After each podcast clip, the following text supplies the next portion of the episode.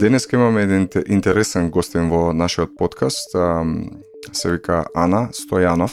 Ке откриеме што истражува. Се наоѓа моментално во Нов Зеланд, во една лабораторија за социјална психологија, ако не се лажам, или социјална когниција. И а, истражува интересни теми кои што не засегаат сите нас. Предпоставам сите имаме до некој степен одредени предиспозиции кон тоа Но најпрво, пред да откриеме за што се работи и што истражува Ана, би те замолил да се представиш. Океј, okay, фала Атанас што ме покани на овој подкаст. Веројатно оно што ќе ги интересира слушателите мојата професионална биографија. Па еве на кратко дипломирав од Универзитетот Свети Кирил и Методи во Скопје во 2007 um, на Институтот за психологија, потоа се запишав на магистарски студии во Англија, на малку поинаква област, значи нешто поврзано со психологија и образование, за да пред три години се запишам на докторски студии поврзани со психологија, по-конкретно истражувам зашто луѓето веруваат во теории на заговор. Аха, тоа е таа тема. да, да. И сега моментално се наоѓаш во Нов Зеланд, на кој универзитет? Во Нов Зеланд, во Даниден, на универзитетот во Отаго. А, факултет за психологија, лабораторија за социјална когниција. Така, така. Колку време си, си тамо? Колку време живееш и работиш? А, па се запишав во 2016, односно почнав од 2016 1 декември, значи сега за некои 6 месеци 7 би требало да завршам ако се се следи тој рок. И тоа не е теорија на заговор. Нешто за не. Кога ми пиша првично имейл и ме исконтактира, фала ти за тоа, Навистина, немам сретнато некој кој што ја истражува темата на теории на заговор, или како е на англиски mm -hmm. conspiracy theories. Е сега, mm -hmm. би те прашал вака како познавач на во полето, што всушност представува теорија на заговор? Која е дефиницијата која што ротира во полето нели на социјалната когниција? Mm -hmm. Вака само да, да, расчистам, не, не истражувам на чест теории на заговор, туку верување во теории на заговор, значи не се занимавам со надали се вистините или не, зашто луѓето обично тоа мислат која ќе спомнеш теории на заговор, туку со што луѓето веруваат.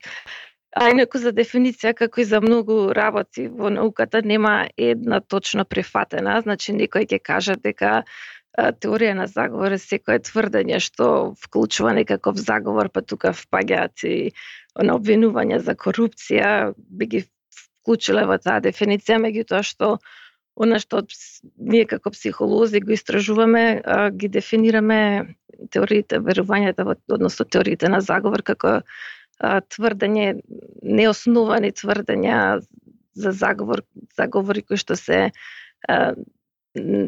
помалку веројатни или неверојатни дека стварно се случуваат и тврдења кои што се обично во спротивност со официјалните објаснувања и кои што имаат една препознатлива а, логика. Да, една рамка на верување кое што е кое што има смисла за, за, за тој што верува, но не мора да кореспондира со, реални, со реалноста, со реалните факти. А, мене ми делува така, ко, кога ќе се кога ќе се спомне терминот теорија на заговор, прво ам, мислам дека може би на некој начин е малку несреќен термин избран, теорија на заговор, mm. затоа што те, самиот термин теорија во науката се користи во еден контекст, има едно значење, а во, да речеме, обичниот живот и кај луѓето кои што не се занимаваат со наука, ам, теорија значи нешто друго, така? Се сложуваш со тоа? Во, во однос на па да, науката, да, да. Теоријата е нели организирано тело на знаење, кое што е изградено врз база на факти, врз база на истражување. Додека зборот теорија во реалниот, ајде така да го наречам живот, не, мислам не реалниот, туку во не на не, секојдневниот живот или како и да е, значи ам, како би се дефинирало некое ам, некоја предпоставка повеќе. Значи би се зело во, во, така. во однос на предпоставка за одреден настан. Е сега, што мислиш во врска со тоа? Искрено ја сега не, не се сеќавам дека сум го сретнала во секојдневниот живот во ненаучна смисла, освен во овие теории на заговор, освен не знам ако некои тинејџери зборат дека имаат нивна теорија зашто другарката така постапила или нешто, може би тогаш единствено во таков контекст. А во контекст на теорија на заговор, иако многу, да, да речем, теоретичари или баш она ги анализираат зборовите што значи теорија, што значи заговор, па што значат заедно. Јас мислам дека тоа е како како референца повеќе не мора толку длабоко да навлегуваме дека е теорија за нешто, едноставно е а, референца за за одреден вид на тврдења. Кои што имаат а, слична структура, слични предпоставки, а, едноставно таков зборот е тој што е влезен во употреба да за да ги а, што се однесува на тие тврдења. Да. А, окей, а, го анализиравме зборот теорија, а, во однос на зборот заговор, мене ми делува а, дека има мислам самиот збор имплицира некаква организираност. Значи, mm -hmm. организира масовност, организираност, намера и, не знам, интенционалност, ако може така да се каже. И најверојатно да, предпоставам да. тоа е суштината на, на, на самиот концепт на теорија на заговор. Дека mm -hmm, некој дека нешто не... се организирал да направи нешто така, на скришен начин така, или да. така натаму. Да, дури и оние што, да речеме, теории на заговор, што се нели тврдења што спаѓаат во категоријата на теории на заговор, како на пример дека некоја позната личност ја лажирала својата смрт, иако наведно изгледа како да демек да само еден човек е вклучен, ако се размисли не може сам тој да е лажиран или треба и други да се вклучени, така да и позади таквите што наведом изгледа дека се а, нема заговор, импликациите се дека има, значи, дефинитивно подразбира а, здружување на две или повеќе индивидуи со некои а, малеволент злобни цели. А... Нефарични намери. е, така. um, кажи ми како како воопшто дојде како воопшто ти се роди интерес да истражуваш оваа тема? Е, тоа е многу добро прашање, не знам дали можам да го одговорам, зашто јас искрено веќе не се сеќавам. Само знам дека на додипломските во на универзитет Кирил и Метод исто се а, истражував тоа, мислам дека гледав тогаш разлики во а, верување во теорија на заговор помеѓу студенти на природни науки и на обштествени науки. Логиката ми беше дека оние што се на обштествени науки бидејќи да учат за разни заговори низ историјата, на пример, конкретно испитував, мислам, студенти по историја а, и биологија, ако добро се сеќавам.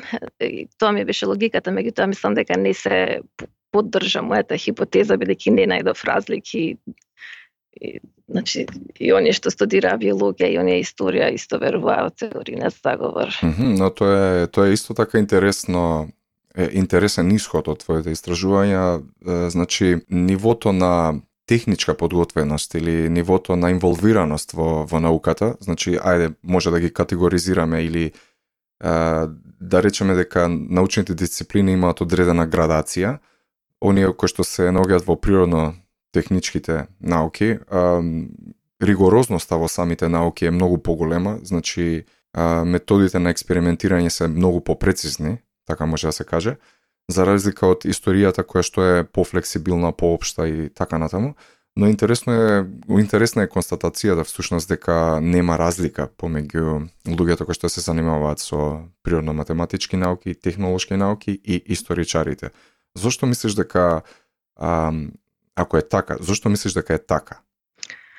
А, едноставно затоа што логиката тогаш ми беше дека искуство со заговори, значи без разлика дали лично сме ги искусиле или сме читале дека постојат, а, поттикнува conspiracy mentality, менталитет на заговор, значи тенденција да се размислува во термини на заговор.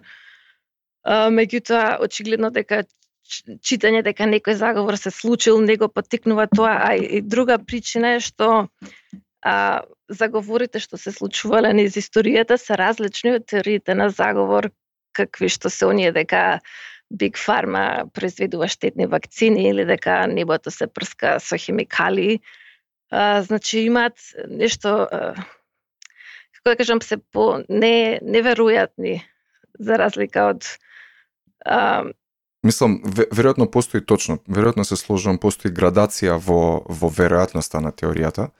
Некој настани, мислам, некој може да излезе со со теорија дека не знам, дека има уште едно сонце кое што е скриено после Плутон таму, ама ние не го гледаме од X причини. И некој може да се појави со теорија дека дека банката на пример му зема повеќе, му наплаќа повеќе провизија од колку што што, што треба и нели двете предпоставки имаат одредена одреден степен на веројатност да се случат. Значи првава има далеку мала, помала веројатност од од од вторава, така? И веројатно тоа игра улога во детекцијата на, на, на, на патерните. Веројатно, за да веруваш во теорија на заговор, дека е вистинита, мора да има, да речеме, да има смисла и да има на некој начин добра позиција во веројатноста. Па, па не, не, не, не, не, не би се сложила со тоа дека е така. Значи, баш дел од мојата работа е да не да правам разлика, зашто не би било тоа точна дескрипција, меѓутоа, да речем има во она што истражувањата покажуваат до сега дека некој ако верува да речеме во дека вакцините се штетни и дека намерно луѓето се вакцинираат ќе верува и дека нападите во на 11 септември биле предизвикани од американската влада и ќе верува во милион други теории на заговор. Значи, значи постои како еден конспирација.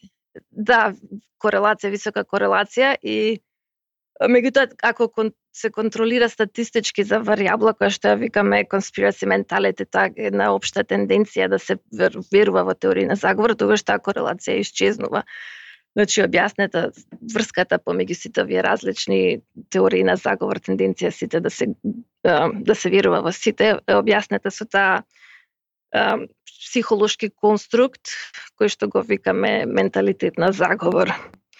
Е сега се се смета, се предпоставува дека тоа е еднодимензионален, значи една димензија веруваш во теорија на заговор, тоа и тоа ќе ги објасни ако веруваш во не знам дека Big Pharma се заговара против луѓето, би бил и посклонен да веруваш и во корупција, а, да речеме, е сега моето истражување покажа дека не е тоа така, дека оние тврдења што ги викаме теории на заговор, тежнеат да се а, групираат во еден кластер, значи една димензија ги објаснува нив, а тврдењата како а, оние за мито и корупција или а, штимање на цени се групираат во друг кластер.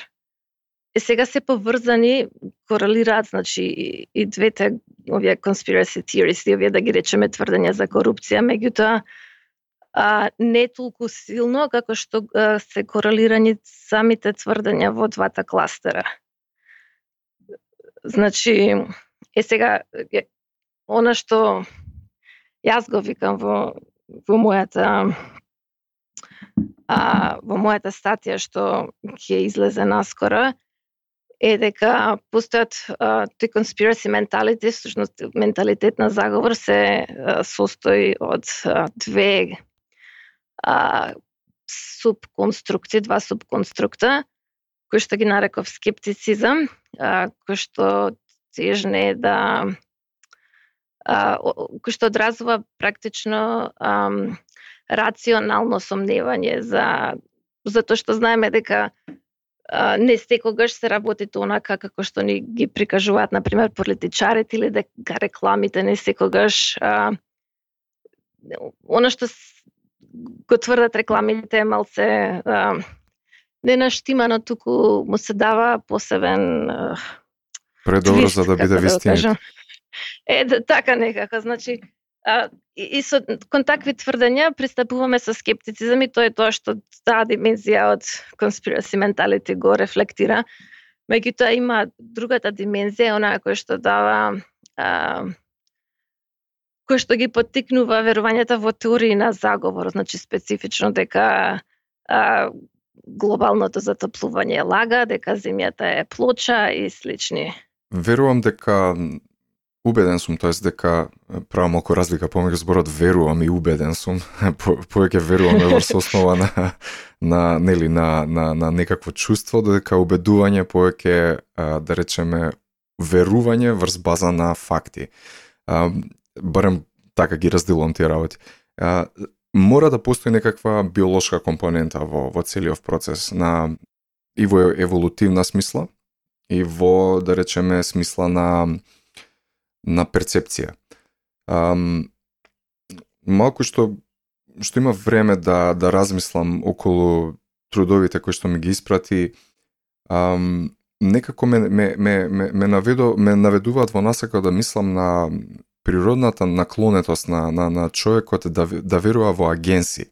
Значи во на, mm -hmm. некакви um, организирани uh, патерни или организирани шаблони во природата и а, некако ме натера да мислам ова и од претходно го имам размислувано луѓето имаат проблем со стокастичност воопшто, со прифаќање на стокастичноста, со прифаќање на случајноста како како појава во во вселената, која што е нели директно поврзана со ентропијата на вселената. Во, во, во суштина вселената е прилично случајна, прилично ентропична и некако мора да си прават секогаш приказни, да си наоѓаат шаблони да детектираат организираност во средината и а, во настаните со цел да да да ја намалат нивната да речеме впрочем ми се зборува делот тоа е една од теориите во трудовите што ми ги испрати нели да се да да да, да ја намалат нивната анксиозност која што произлегува од чувството на немање контрола.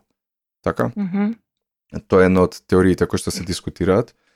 Ам, Што мислиш во врска со тоа? Зошто, зошто човекот еволуирал да детектира агенси кои што директно или доведуваат до тоа, ете да веруваме во теории на заговор?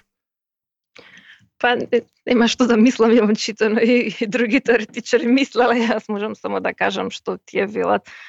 А ако нели еволутивно има предност тоа да, да, да сме хиперсензитивни на а, агенти, а, бидејќи еволутивните а, кост кога работиш на англиски или така цената што би што би требало да платат доколку не се хиперсензитивни, односно доколку не а, забележуваат, не детектираат а, агенти, тоа се а, значи агенти со намера со, да ги повредат, да речеме, а, би платиле многу голема штета бидејќи не би преживеале да ги пренесат своите гени понатака, затоа затоа е еволутивно а, добро да бидеме она хиперсензитивни да да гледаме шеми што би рекол ти а, за да а, затоа што додека ако не постојат, ниш, никому ништо, меѓутоа ако стварно постојат агенти, а ние се прав... ги игнорираме, тоа би имало голема штета за нас. Затоа преживеале оние луѓе кои што биле хиперсензитивни и а, реагирале а, како да има агенти таму и кога немало. Да, а, да. Значи подобро е да се доколку нешто шушне во тревата, подобро да се предпостави е, дека има, не знам, лав или некое друго животно, отколку ја, да. да се правиме дека да нема ништо да, да се игнорира. Ам, да, се... инаку во таз... Да, повели, повели. Па не, само сакав тоа да се надобрзам дека а, кога правени се експерименти нели на луѓето експериментално има е намалено чувството на контрола што тие го имаат врз средината И во такви ситуации е многу поверојатно да видат, да речем, шеми во некој white noise, како се вика тоа, статички. Да, во шум. Во, во шум, така да, да видат слика некоја. Кога нема. Да, така што на некој начин ние сме предиспонирани да да правиме смисла е, е, од од реалноста, од светот. Е така, само сакам на тоа да се надоврзам дека тоа не значи дека сме предиспонирани да развиеме такви елаборирани а, тврдења како теории на заговор. А, меѓутоа дефинитивно е еден од предусловите, еден дел од теориите на заговори. Како пример еве а, ќе го дадам онај познат пример меѓу теоретичарите на заговор е а, така наречен Umbrella Man. Тој е човек кој што а, кога поминувала лимузината на Кенеди, кога е пукано во него, баш во тој момент го отворил чадорот и мафтал со него. И сега теоретичарите на заговор го поврзале го поврзуваат тоа со пукањето на Освалд како тој е дел од заговорот, бидејќи му сигнализирал на Освалд а, кога да пука. Значи, а, таа врска помеѓу два неповрзани настани служи како основа за после да се разработи цела Целата теорија, теорија на да. заговор. Да. Сигурно се дека Освалд е, го така. убил Кенеди. Вака сакам да те прашам, понекогаш не ми е јасно како луѓето можат да бидат во еден контекст а, тотално рационални, а во друг контекст сосема нерационални. А, и, например, еве, верува човек некој верува во теорија на заговор, не знам дека еве кај нас е прилично актуелно нели ова со вакциниве и верува дека вакцините предизвикуваат а, аутизам и така натаму.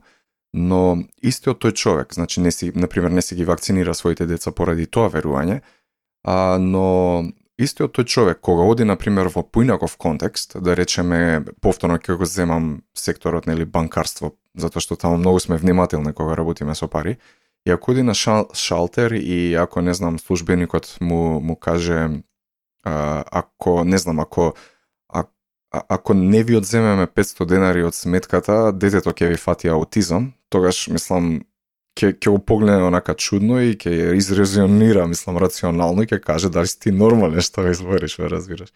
И затоа затоа ми е малку а, ш, дали имаш некаква идеја зошто луѓето се несуваат во еден даден контекст то сосема рационално, а во друг даден контекст е во случајов со пример со вакциниве тотално нерационално. Mm -hmm. Па може да е мотивирано сега, не знам. Значи, многу теории на заговор, односно верување во теории на заговор се мотивирани од е, некои психолошки потреби, значи не е дека некој ќе каже зашто да ги истражу, зашто да истражуваш зашто луѓето веруваат на заговор, веруваат зашто мислат дека е точно. Ама не е само тоа, еве на пример, е, мотиви како потребата да се биде поинаков од другите игра тука улога. Значи, оние што имаат потреба да се поразлични од другите, прифаќаат необични теории на заговор, не само теории на заговор, туку баш на некои екзотични, да речам. А, така да, предпоставам дека е тоа некакви мотиви сега најразлични можат да бидат а, ш, што ги мотивира да прифатат некоја теорија на заговор и да не а, не се однесуваат рационално по тоа едно што ќе ќе прифатат да веруваат во неа јавно ќе го кажат своето мислење, некако се посветуваат на тоа, вложуваат во тоа и многу е потешко после да да го сминат мислењето, да се предомислат дури да сакаат затоа што вложиле да речем станало тоа дел од нивниот идентитет. Така што не не станува збор само за да почнеш да веруваш, него и после го да, да се одржува верувањето, така да многу фактори играат улога. Така и не би рекла дека истите причини што првично ги поттикнуваат луѓето да да веруваат во теории на заговор се оние што продолжу се истите причини заради кои што луѓето продолжуваат да да веруваат во тие тврдења и покрај тоа што се презентира да речем докази кои што би ги побиле рационално а, тие тврдења. Мислам добро е човек да биде скептик, нели? Добро е да биде а, да се сомнева во работите. А, тоа е здраво, тоа е добро, значи да не се земаат работите здраво за готово, да не се зема, да не се верува во се што ќе се чуе, но предпоставувам теориите на заговор, тоест верувањето во теории на заговор оди во обратна насока, Значи, оди во амплифицирано некое, засилено веру... мислам, ам, верување кое што е маскирано како скептицизам. но во суштина не е здрав скептицизам. Значи, постои одредено априори прифаќање на одредена теза дека е вистината и подоцна само се прави она што се вика confirmation bias, значи само се така. се потврдуваат работите, а, односно се прифаќа одредена теза и потоа, значи се користи здрав скептицизам или дури и на некој начин рационалност да се потвр... да се потврдува тезата која што априори е погрешна. Баш така, не станува за, за значи не да речеме во наука кога генерираме некоја хипотеза и после да речеме ферски ја тестираме ако не се потврди, не се потврди, не измислуваме причини зашто не се потврдила, меѓутоа со теориите на заговор е токму обратно како заговорот да е даден, а сите факти после се редат за да го потврдат. Значи тој априори даден, е секако да не, да ги наредиме фактите за да го поддржат. Тоа е она што го прават теоретичарите на заговор.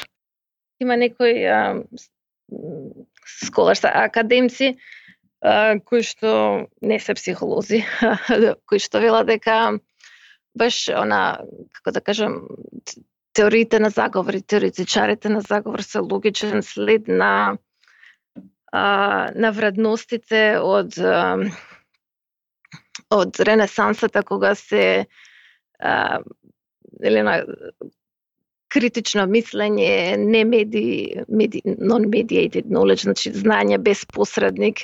И токму е тоа што го прават теоретичарите на заговор, или они сами истражуваат, they do their research. Mm -hmm, mm -hmm. Uh, да, не не веруваат на ме, меѓутоа што експерти. Меѓутоа како што кажав, да, не веруваат на експерти, меѓутоа нели ги, ги носат а, вред, вредностите од а, ренесансата во, во крајност. А, и како што реков, заговорот е даден, па ајде да видиме како ќе се ќе се наредат фактите. И, и не, не станува збор само за значи за тврдења кои што ам, нели тие ги истражиле, па знаат дека е така, туку правени се истражувања каде што фиктивни, значи измислени истражувачите ќе измислат некое тврдење што звучи како теорија на заговор или да речеме теорија на заговор, меѓутоа измислена нигде не постои.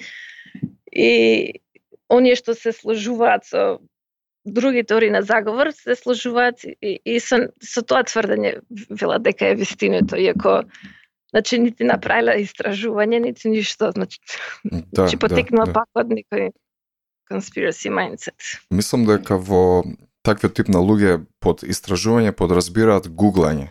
Значи, собирање некакви информации на интернет кои што им делуваат логични во контекст на нивното верување и за нив тоа е истражување, што значи во, во суштина помеѓу разликата помеѓу вистински така наречен научник и и научник нели кој што верува во теории на заговор е во на, на едно фундаментално ниво, во ниво на епистемеологија, во она што се нарекува а, нели, селекција на, на, на, на факти. Значи, и за едниот научник, и за првиот фактите, значи, користи факти, односно, но фактите ги произведува и ги добива преку научниот метод, преку, преку еден вид на објективна потрага по вистината, но и вториот научник, така наречен, кој што верува во теориите на заговор и тој користи факти, но начинот и селекцијата на, на фактите кои што ги прави воопшто не се е,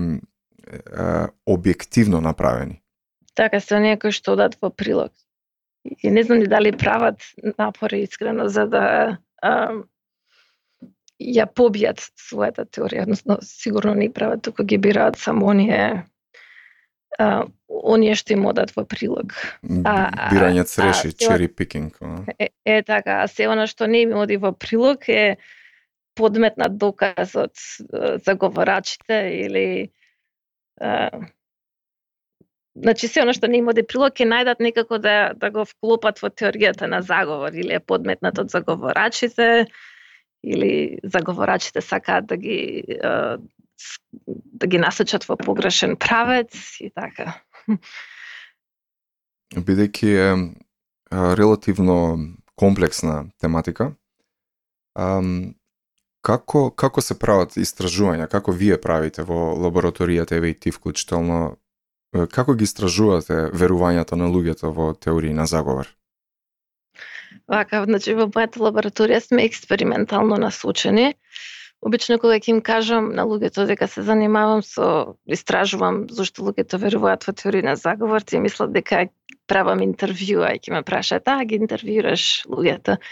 Ќе кажам, не, не ги интервјурам и ќе објаснам. А, имаме два типа на испитаници. Обично а, истражуваме верување во теорија на заговор кај студенти, што се обично студенти на психологија прва или втора година.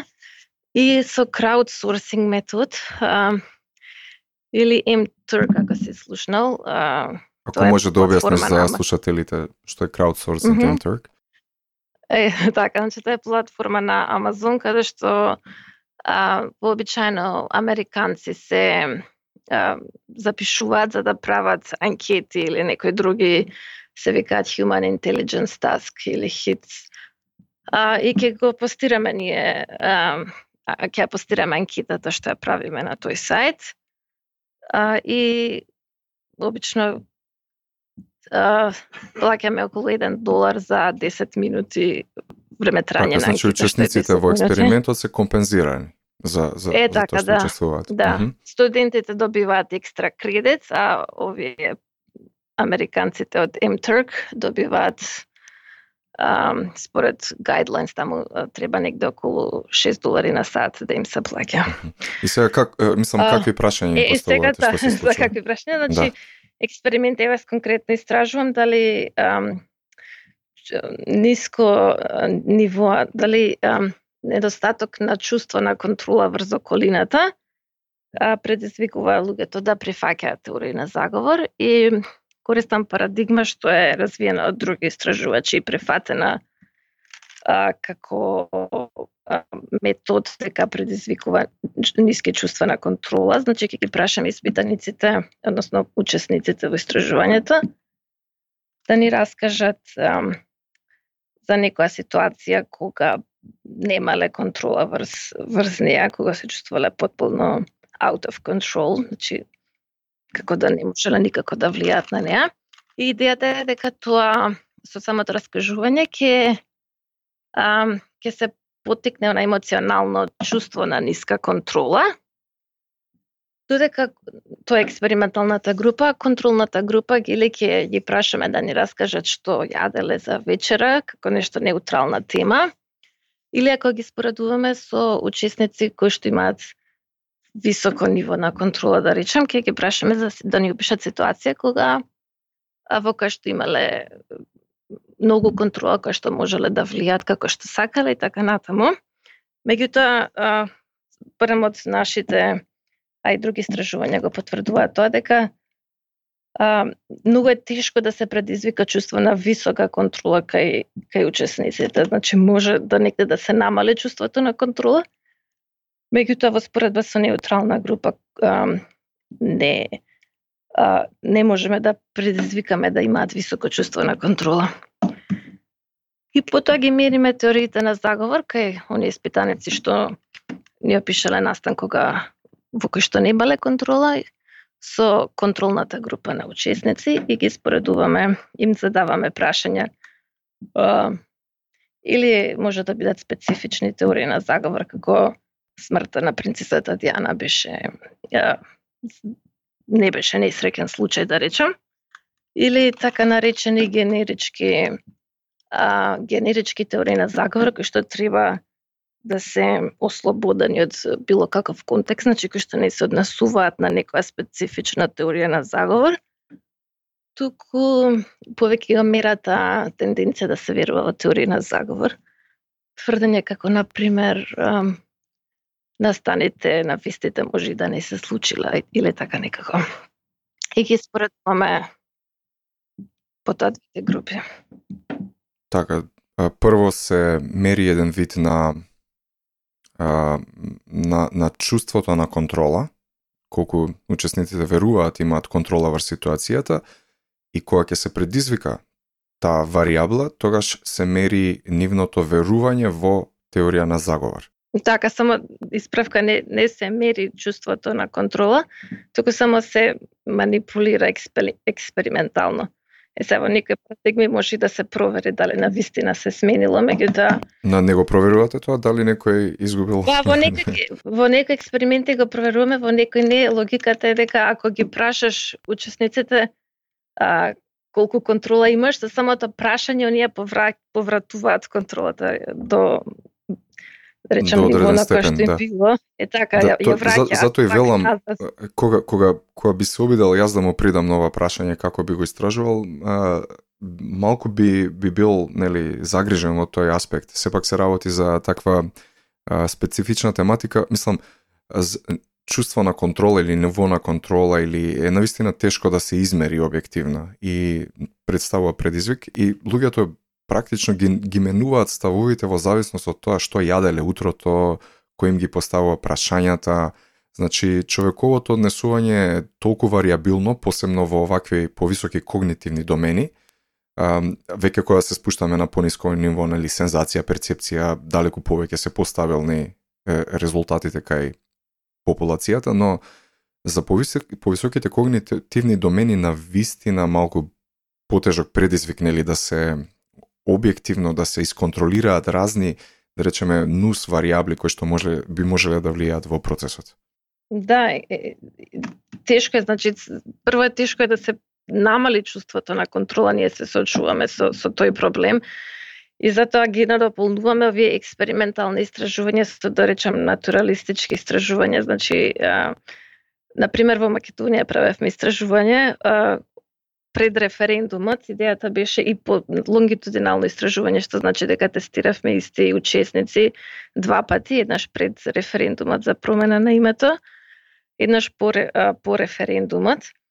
Идејата беше дека настани како што се политичка мобилизација, како референдумот ќе го намала чувството на контрола и на сигурност и дека во пред по референдумот, во споредба со пред референдумот ќе се зголемит зголемат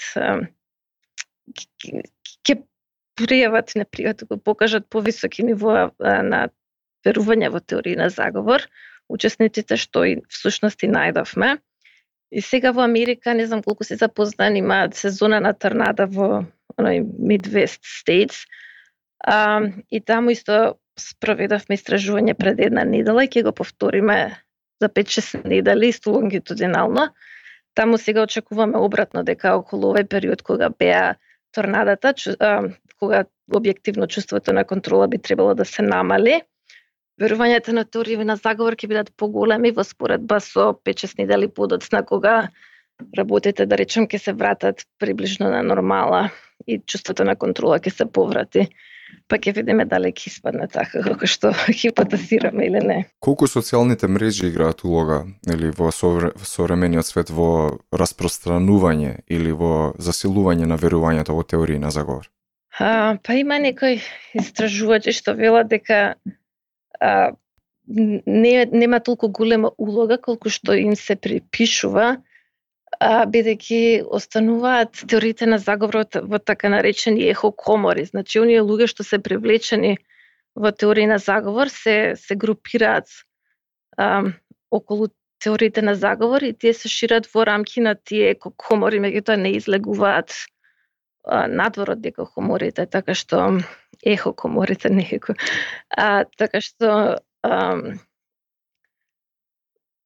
иако common sense е дека леле колку брзо ше, се шират стварите на интернет, се шират меѓу луѓето каде што би се ширеле и онака кои што би стапиле во а, контакт со теорија на заговор и онака, значи само интернетот го леснува тоа што и онака би се случувало, да речам. Да, да појасниме во овој контекст ехо комора, значи збир на, на луѓе, значи на една група која што споделува исти ставови за одреден феномен и кој што искрено и суштински не ги, не ги како се вика, не ги анализираат, не, не се спротиставуваат едни на други, туку цело време така, само ги пот, потврдуваат, затоа и се вели не ги ехо.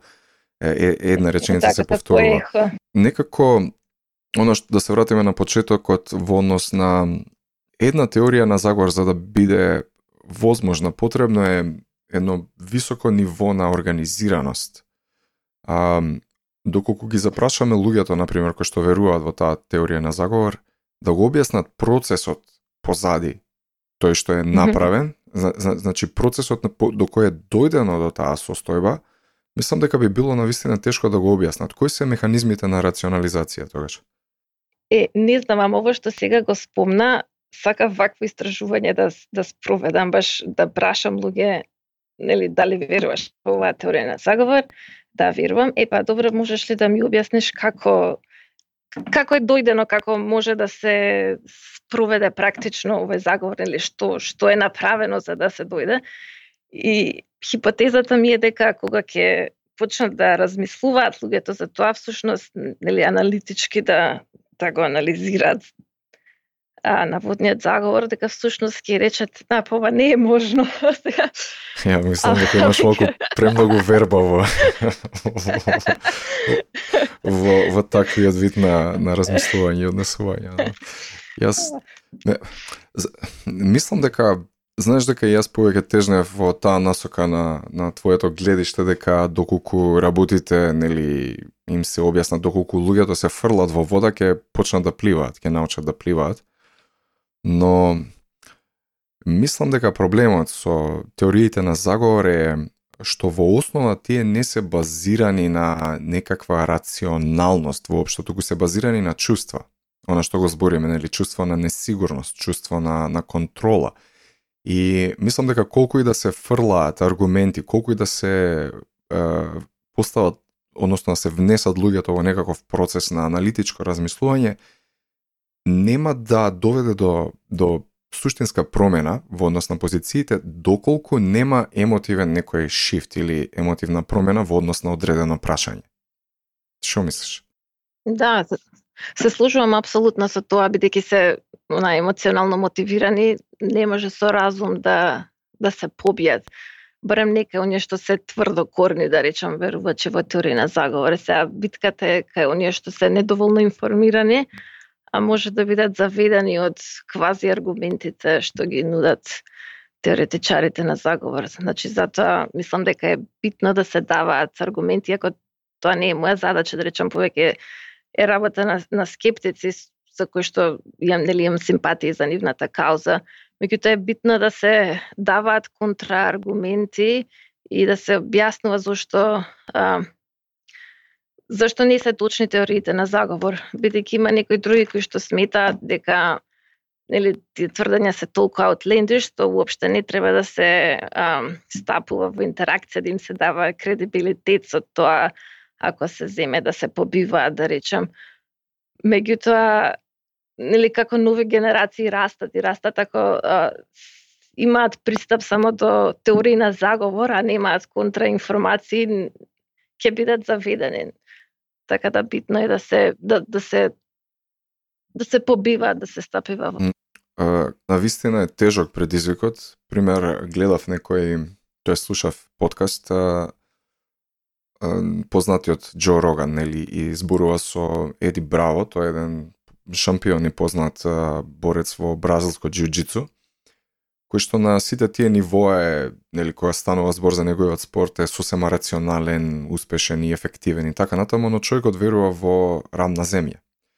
И сега mm -hmm. разговараат на подкастов, а, Џо Роган го убедува дека дека тоа што верува е глупост, а Еди Браво обратно нели зборува дека е целосно убеден дека земјата е рамна, тотално скептичен за сите, буквално за сите работи дури кога кога му покажа на пример снимка од НАСА, нели од направено од месечината кон земјата, еве гледај, земја е тркалезна, ова е слим, снимка од од од од од, од вселената направена и така натаму.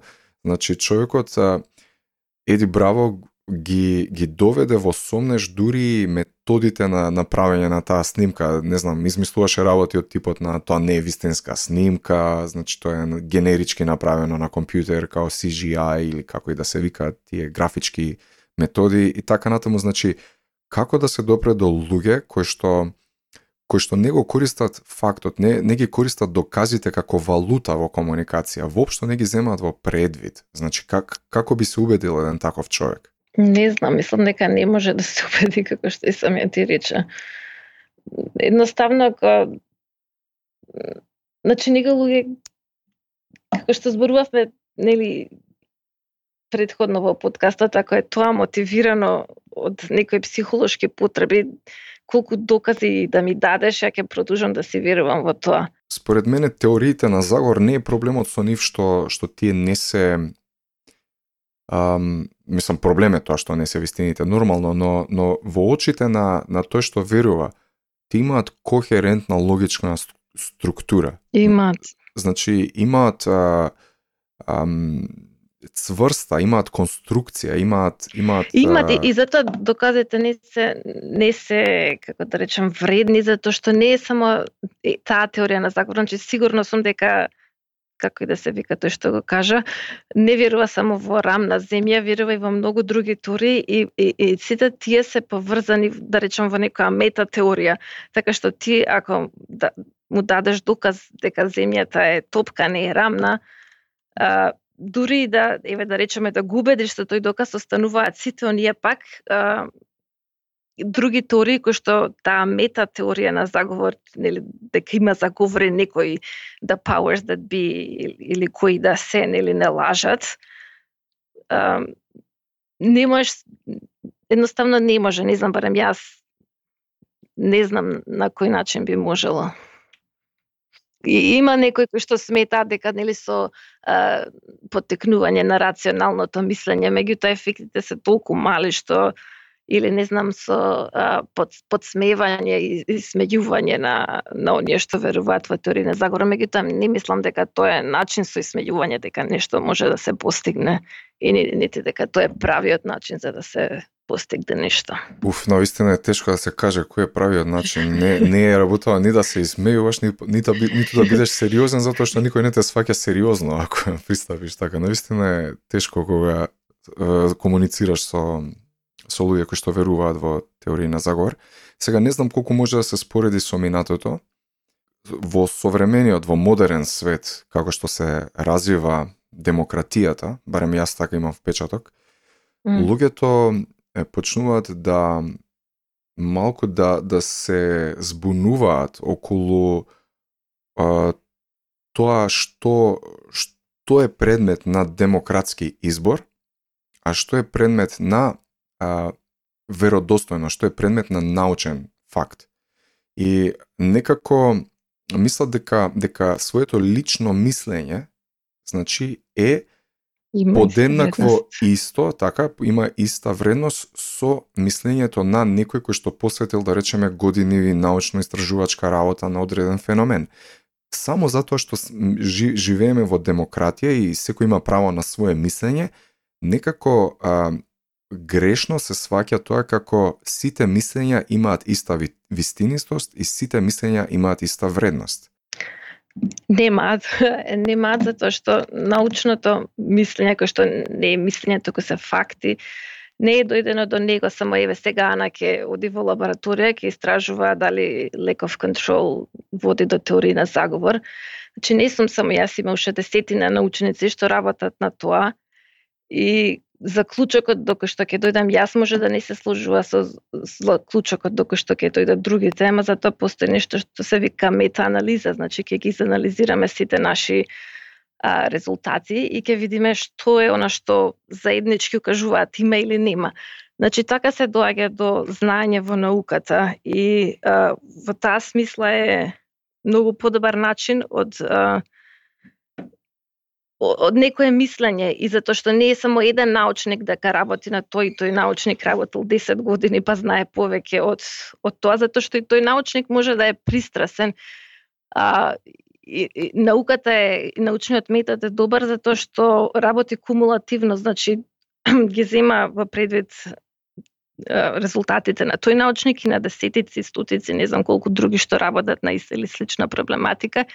И така доаѓаме до некои модели за она каков е светот за разлика од ам, еве јас како индивидуа во некоја област нели што, што не се разлика разбира може да има мое мислење, интуиција, меѓутоа не значи дека тоа е, е вистинито, да. Да, е многу по малку добро понесупериорно од знањето кое што е дојдено, до, дојдено со научниот метод. Дали има воопшто поврзаност ако воопшто имаш информации помеѓу концептот нели на Данин Кругер и верувањето во теории на заговор? За слушателите, нели, Данин Кругер е едно наоѓање во социјалната психологија, каде што а, одредени луѓе мислат дека повеќе знаат отколку што реално знаат. Значи одредени луѓе се преценуваат. Значи тоа се нарекува Данин Кругер ефект во социјалната психологија.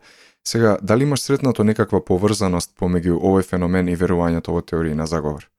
А, вака, имам сретнато, меѓутоа сега не се сеќам што бе резултатите, така да не сакам да кажам нешто што не би било вистина. А, знам дека е многу покомплексно прашањето во врска со теорија на заговор, затоа што и Данин Кругер ефектот, затоа што а, како што реков, тие се мотивирани и луѓе кои што многу знаат, ќе видат, ако се мотивирани да бранат некое тврдење, како да речам, а, не ми, не ми доаѓа сега ни, ништо конкретно на ум.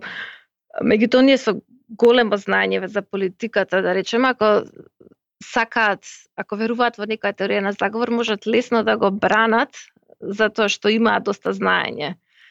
Значи, она многу знаење како мач со две устрици може да те одведе во, во двете насоки ако ти си мотивиран Но Дани да Кругер имаш... имаат илузија на знаење, немаат реално имаат, знаење. Вистина, вистина. Меѓутоа не се сеќам се како беа резултатите.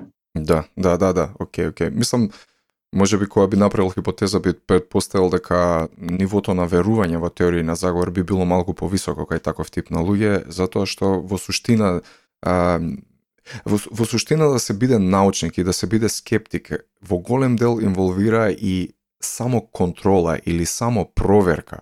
Значи, тоа е целата поента на научниот метод, да се провериш себе си, односно да си го провериш својот перцептивен и психолошки механизам, дали кореспондира, значи твоето мерење на реалноста кореспондира со реалноста или кореспондира со некоја твоја, а, да речеме, виртуелна перцепција на истата, што значи mm. дека процесот на самоконтрола е многу битен.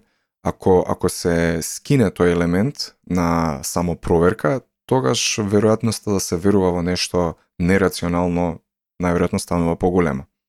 И јас мислам дека така во, во таа насака да резултатите. Mm -hmm. И добро, мислам дека веќе зборуваме околу час. Во Нов Зеланд е веќе 10 на вечер, така што предпоставам си, си, си уморна после работниот ден.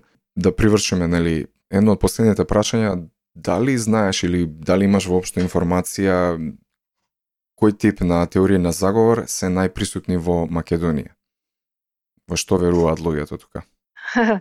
Добро прашање. А, па вака, значи јас не истражував конкретни теории на заговор, кога мерав верување во теорија на заговор, мерав на општата тенденција да се верува. А то кои теории се најраспространети, можам јас да кажам од, од лично искуство, нели на, на Facebook што следам од моите пријатели, доста гледам постови да, да, за како, како интуиција, вакцините, нели, да, да, вакцините, вакцините. да.